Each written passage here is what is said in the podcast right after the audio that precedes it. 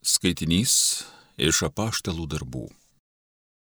Paulius bylojo Efezo bažnyčios vyresniesiems. Būkite rūpestingi savo ir visai kaimeniai, kuriai šventoji dvasia jūs paskyrė vyskupais, kad ganytumėte Dievo bažnyčią, kurią jis yra įsigijęs savo krauju. Aš žinau, kad man, pasitraukus, įsibraus pas jūs žiaurių vilkų, kurie nepagailės kaimenės. Netgi iš jūsų tarpo atsiras tokių, kurie klastingomis kalbomis stengsis patraukti paskui save mokinius. Todėl būdėkite ir nepamirškite, jog aš per trejus metus, dieną ir naktį nepaliaudamas, su ašaromis įspėjinėjau kiekvieną. O dabar pavedu jūs viešpačiui ir jo malonės žodžiui, kuris turi galę jūs išugdyti ir duoti paveldėjimą tarp visų pašvestųjų. Nei iš vieno aš netroškau, nei sidabro, nei aukso, nei drabužio. Jūsgi žinote, kad mano ir palydovų reikalams tarnavo šitos va mano rankos. Ir aš jums visur rodydavau, kad šitaip triūsint, reikia paremti silpnuosius ir atminti viešpaties Jėzaus pasakytų žodžius. Palaimingiau duoti negu imti. Tai pasakęs, jis atsiklaupė ir kartu su visais pasimeldė. Visi pradėjo graudžiai verkti ir puldami Paulių ant kaklo jį bučiavo. Jie ypač nuliūdo dėl žodžių, jog nebematysė jo veido. Paskui jie palydėjo jį į laivą. Tai Dievo žodis.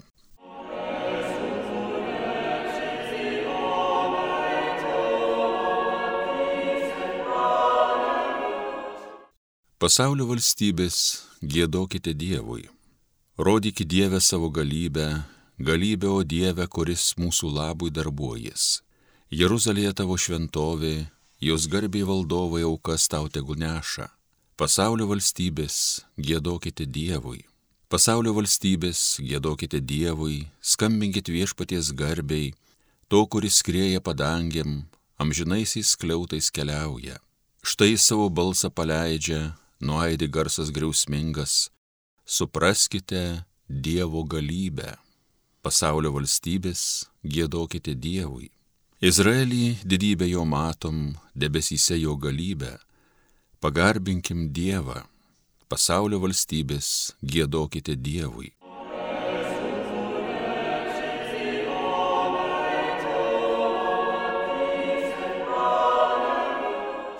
Tavo žodis viešpatie yra tiesa, pašventink juos tiesa.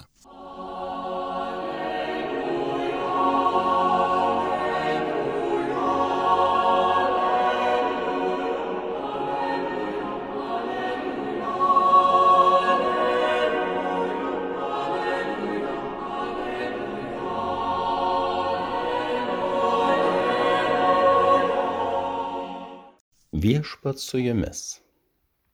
Iš Ventosios Evangelijos pagal Joną. Pakėlęs akis į dangų Jėzus bylojo. Šventasis tėve, išlaikyk ištikimus savo vardui visus, kuriuos esi man pavedęs, kad jie būtų viena kaip ir mes. Kol buvau su jais, tavo man pavestaisiais, aš išlaikiau juos ištikimus tavo vardui. Išsaugojau juos ir ne vienas jų nepražuvo, išskyrus pražūties sūnų. Ir taip išsipildė raštas. Dabar aš einu pas tave ir tai kalbu pasaulyje, kad jie turėtų manojo džiaugsmo pilnatvę. Aš jiems perdaviau tavo žodį, bet pasaulis jų nekentė, nes jie ne iš pasaulio, kaip ir aš ne iš pasaulio. Aš neprašau, kad juos paimtum iš pasaulio, bet kad apsaugotum juos nuo piktojo. Jie nėra iš pasaulio, kaip ir aš ne iš pasaulio. Pašventink juos tiesa, tavo žodis yra tiesa. Kaip tu esi mane atsiuntęs į pasaulį, taip ir aš juos pasiunčiau į pasaulį. Dėl jų aš pašventinu save, kad ir jie būtų pašventinti tiesa. Tai viešpaties žodis.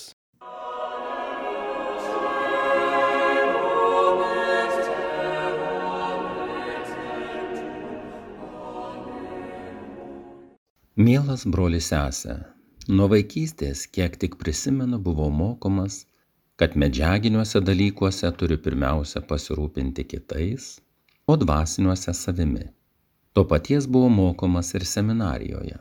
Pradžioje niekaip nesuprasdavau, kodėl dvasinis pasaulis yra prieš pastatomas medžiaginiam. Juk tiek medžiaginių, tiek dvasinio pasaulio kūrėjas yra Dievas. Tad vienu ir kitu atveju turėtų būti tie patys dėsniai. Pats viešpats Jėzus iš gamtos, kurioje aiškiai matome pasireiškiančius dėsnius, kvietė mokytis, pažinti tvarką ir dvasiniuose dalykuose, kurie nėra taip aiškiai matomi. Iš viešpaties paraginimo suprantame, kad tiek medžiaginėme, tiek dvasinėme pasaulyje veikia tie patys dėsniai. Pasirodo, kad medžiaginiuose dalykuose nebūna pagundos dalytis gerybėmis, kurių neturime. Net vaikai supranta, kad neturėdamas saldainio kitam jo neduosi.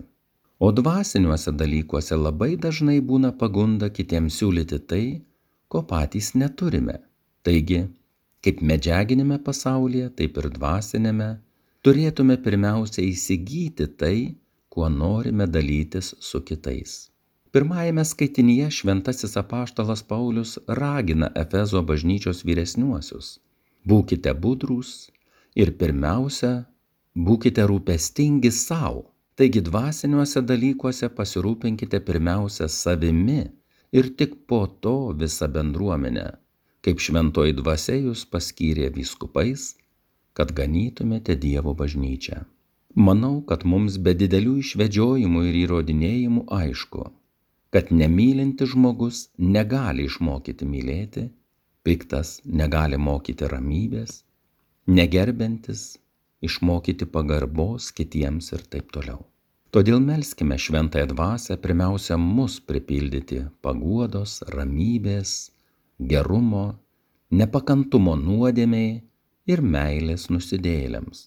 Puikiai suprantu, kad nėra pompos įpūsti šventumo į žmogų. Todėl aišku, kad pasaulio pakeitimą, tai yra Dievo įtaka pasauliui, galiu įsileisti tik per savo širdį. Visa tai prasideda nuo sugebėjimo pastebėti dvasinius dalykus. Taigi dėmesio skirimo dvasiniam pasauliui bet ir čia slypi dideli pavojai. Galime matyti dvasinius dalykus ir jie esti iš skirtingų šaltinių. Vieni veiksmai yra įkvėpti šventosios dvasios, kiti piktosios. Ir kuriuos darbus labiau sureikšminsiu, kuriems daugiau dėmesio skirsiu, priklauso nuo manęs. Nesakau, kad reikia būti aklu piktiems darbams, tačiau nereikėtų jų per daug sureikšminti nes Jėzus siuntė mus skelbti Evangeliją, tai yra Dievo darbus, o gundytojas mums kiekvienam nuolat kužda, kad skelbtume ir kalbėtume tik apie jo darbus. Šventoji dvasia veda mus į tiesos pažinimo pilnatvę, todėl esame kviečiami šauktis šventosios dvasios vedimo siekti bendrojo gėrio nes subjektyvūs gėriai gali tarpusavyje susipriešinti. Dieve, padaryk mane tavo meilės ir gailestingumo įrankiu. Amen.